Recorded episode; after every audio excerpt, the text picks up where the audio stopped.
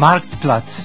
Njemački jezik u privredi, koprodukcija radija Deutsche Welle, Njemačke industrijske i trgovačke komore te centara Karl Duisberg.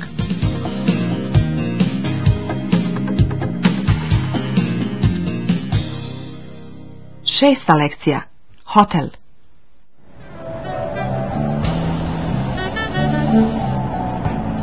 Mm-hmm. добро пожаловать в Берлин. Я желаю вам всего хорошего. Berlin Aleksanderplatz. Pred glavni ulaz u Hotel Forum stigao je autobus sa turistima iz Moskve. Gosti se već očekuju. Nakon kratkog pozdrava jedna od saradnica hotela upoznaje pridošle goste sa turističkom predstavnicom, Reiseleiterin, objašnjavajući istovremeno u autobusu kako gost može ući u sobu, cima, koristeći umjesto ključa karticu, keycard. Ich gebe Ihnen jetzt einige wichtige Informationen. Ihre Reiseleiterin Lilia Lvovna wird sie Ihnen übersetzen. Дорогие гости, Мартина Менцель сейчас сообщит важную информацию. Я вам буду все переводить. Hier in diesem Umschlag habe ich die Zimmerschlüssel für jedes Ihrer Zimmer in unserem Hotel. Diesen Schlüssel behalten Sie bis zu Ihrer Abreise. Die Begrüßung ist nicht nur eine freundliche Geste, sie ist auch eine organisatorische Hilfe. Reisegruppen, die im Forum Hotel zu Gast sind, bekommen ihre Informationen und die Zimmerschlüssel direkt bei ihrer Ankunft. Jede Tür hat ein elektronisches Schloss mit einem Schlitz anstelle eines Schlüssellochs. Sie stecken die Keycard so in den Schlitz hinein. Dann öffnet sich die Tür. Prilikom zbrinjavanja turističkih grupa od velike je pomoći razriješiti prve detalje oko smještaja još u autobusu i izbjeći gužu na recepciji, under recepcion. Ovdje na recepciji bavimo se samo pojedincima i to uz parolu stalno na usluzi. To je korisno kako za goste hotela, tako i za zaposlene u hotelu. Und bitte, verlieren Sie diese Keycard nicht. Ich habe hier eine Liste mit den Zimmernummern für jeden. Lilia Lvovna wird Ihnen die Zimmernummern sagen und jedem die Keycard geben. Wenn Sie Fragen oder Probleme haben, wir sind immer für Sie da. Es gibt noch einige Fragen, Martina. Wo treffe ich Sie? Ich bin nachher an der Rezeption. Gut, danke. Hotel Forum se u vrijeme DDR-a zvao Štat Berlin. Narod ga je uvijek nazivao ruskim hotelom. U njemu su odsjedali uglavnom gosti iz bivšeg Sovjetskog saveza. Nakon ujedinjenja ovaj hotel sa kapacitetom od 600 kreveta uvršten je u međunarodni lanac hotela pod nazivom Intercontinental. U njemu je sve od temelja obnovljeno i opremljeno. Danas je forum jedan od najmodernijih hotela u Berlinu. U duhu tradicije ovdje su rado viđeni gosti iz Rusije i drugih zemalja Istočne Europe. Većina od 220 zaposlenih u hotelu govori ruski, znaju kakvi su interesi ruskih i istočnoevropskih turista i koje probleme imaju. Uprava hotela Forum veoma se trudi da pridobije turiste iz istočnoevropskih zemalja. Ona prezentira hotel na sajmovima i sarađuje sa organizatorima putovanja koji su se specijalizirali za istočnu Europu. O tome govori menadžer za prodaju Martina Menzel. Wir sind als Forum-Hotel äh, in Berlin sehr interessiert, auch Reisegruppen aus osteuropäischen Ländern in unser Hotel zunehmend einzuquartieren.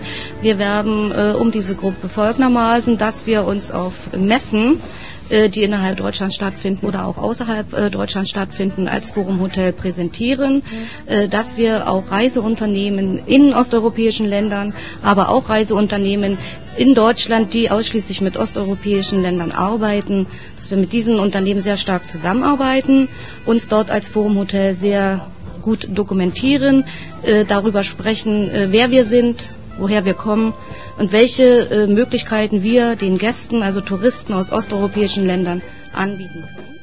Sposobnost improvizacije je važna karakteristika saradnika hotela koji rade pod motom Uvijek smo vam na usluzi. Turistička predstavnica i prevodilac turističke grupe iz Moskve našla se pred neočekivanim iznenađenjem. Martina? Ja? Hier ist ein Problem. Wir sollten eigentlich nur 20 Leute sein. Mhm. Jetzt sind wir aber 24. Es sind zwei Ehepaare mehr. Oh, wie kommt das? Diese beiden Ehepaare haben ihre Visa erst vor wenigen Tagen bekommen. Im Bus hatte ich Platz genug. Und sie hatten auch das Geld.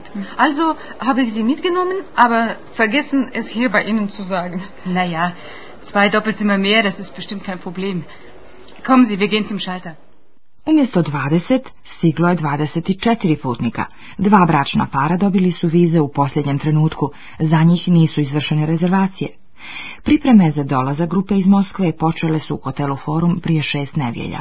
Tada je stigao telefaks sa upitom, Anfrage, iz Moskve i poručbom Beštelung za rezervaciju deset dvokrevetnih soba, dopeljcima za šest noćenja, ali i sa molbom za hitnu potvrdu Sofortige Bestätigung Reservatie. Gegenstand unserer Anfrage Bestellung von zehn Doppelzimmern für sechs Übernachtungen vom 22. bis 29. des kommenden Monats. Zusätzlich zwei Einzelzimmer für die Reiseleiterin, sprich Deutsch und den Busfahrer. Anreise der Gruppe mit dem Bus am 22. Bitten um sofortige Bestätigung. Preis bis maximal 50 Mark pro Person. Hm. Das wird ein Problem. Maksimalno 50 njemačkih maraka po osobi i noćenju. To je veoma niska cijena za hotel sa tri zvjezdice u centru Berlina, pa ipak već sada se mora misliti na budućnost i predstaviti se ruskim turistima na najbolji način. Rusi moraju znati gdje ih u Berlinu najbolje dočekuju. Razvoj turizma je u Rusiji upravo počeo. Uskoro će i tamo doći do pojave masovnog turizma koji može donijeti velike dobiti. U hotelu Forum svi vjeruju da će Rusi jednoga dana poboljšati standard i dolaziti u Njemačku na odmor. Zbog toga uprava hotela za sada, gegenwärtig, izlazi u susret, sehr entgegenkommen, ruskim organizatorima putovanja kada je riječ o cijeni. Menadžer za prodaju Martina Menzel kaže. Die Angebote beginnen ja bekanntlicherweise immer beim Preis. Das ist eine der wichtigsten Fragen, dass wir besonders für die Touristen aus osteuropäischen Ländern einen besonderen Preis geben können, äh, da wir wissen, dass der Preis, der gegenwärtig bei uns im Hotel für touristische Gruppen angelegt wird, noch für osteuropäische Länder zu teuer ist. Wir kommen also da den Touristen sehr entgegen.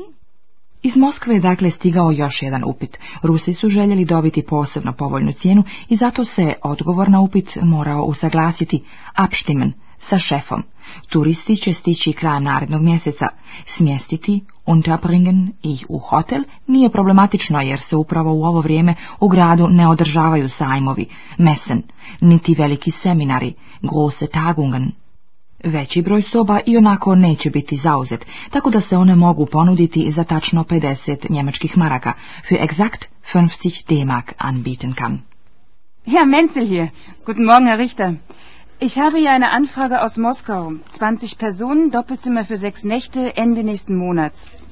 Wir können Sie problemlos unterbringen. Das ist eine Woche ohne große Tagungen oder Messen. Hm. Aber die Agentur will maximal 50 Mark pro Person zahlen. Ja. Ich würde für exakt 50 Mark anbieten. Die Agentur will zusätzlich einen Vorschlag für ein Besichtigungs- und Kulturprogramm. Na, ich würde mal sagen, mm. sehen Sie mal, was da so im üblichen ja. Rahmen so drin ist. Äh, ansonsten können wir das auch Gut, machen.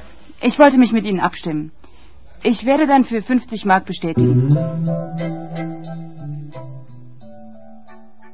Poslovnim partnerima u Moskvi poslana je konačna ponuda, ali i dodatak sa molbom da im se pošalje lista sa imenima turista, kao i da se agencija u Moskvi pobrine da svi na vrijeme dobiju vize. Hotel je dodatno ponudio i program posjete, koji naravno ne ulazi u cijenu. So, Silvia, jetzt schreiben wir noch. Mit der Bestätigung unseres Angebotes erbitten wir die Übersendung der Namensliste Ihrer Reisegruppe. Punkt. Bitte benennen Sie die Namen so, dass wir eine Einteilung der Doppelzimmer vorbereiten können. Punkt. Bitte tragen Sie Sorge dafür, dass alle Teilnehmer Ihrer Gruppe rechtzeitig Visa erhalten können. Punkt. Unsere Vorschläge für das Besichtigungs- und Kulturprogramm erhalten Sie in den nächsten Tagen. Menadžer za prodaju Martina Mencel snosi odgovornost za svoju turističku grupu do polaska na put, dok se knjigovođstvo agencije bavi samo financijskim poslovima. Nakon što je dobila tekst potpisanih ugovora, uputila je račun moskovskom organizatoru putovanja i sada nadgleda pridržavanje rokova za plaćanje. Konačno su svi smješteni. No gosti nisu večerali. U hotelu se moraju pobrinuti da još jedan put postave stolove za večernji bife, Abendbuffet. So, Lilia Lvovna, hier sind die Keycards für die Ehepaare Rosanov und Schotkin. Mhm. Am besten würde ich sagen, Sie fahren mit ihnen auf die Etage. Vielleicht wissen Sie nicht mehr, was wir Ihnen im Bus zum Gebrauch der Keycards gesagt haben. Danke, Martina. Und eine Frage noch. Mhm. Äh, wir sind viel später angekommen als geplant. Die Grenze, Sie wissen ja. Ist es möglich, dass wir noch im Restaurant essen? Ja, das ist kein Problem. Ich habe gehört, wir hatten noch zwei weitere Gruppen mit Verspätung. Eine aus Hamburg, die wegen Nebels zu spät gekommen ist, und eine Gruppe aus England, die sich in Leipzig länger als geplant aufgehalten hat. Wir haben schon organisiert, dass die Küche das Abendbuffet nochmals auftischt. Očito zbog tri zakašnjele grupe turista, kuhinsko osoblje mora raditi dugu smjenu. Gosti ne trebaju ostati gladni. Martina, kommst du mal schnell? Hier, für dich. Ja, Menzel? Was? Feueralarm in 1738? Die russische Gruppe. Lilia Lvovna? Ja? Da war schon jemand da.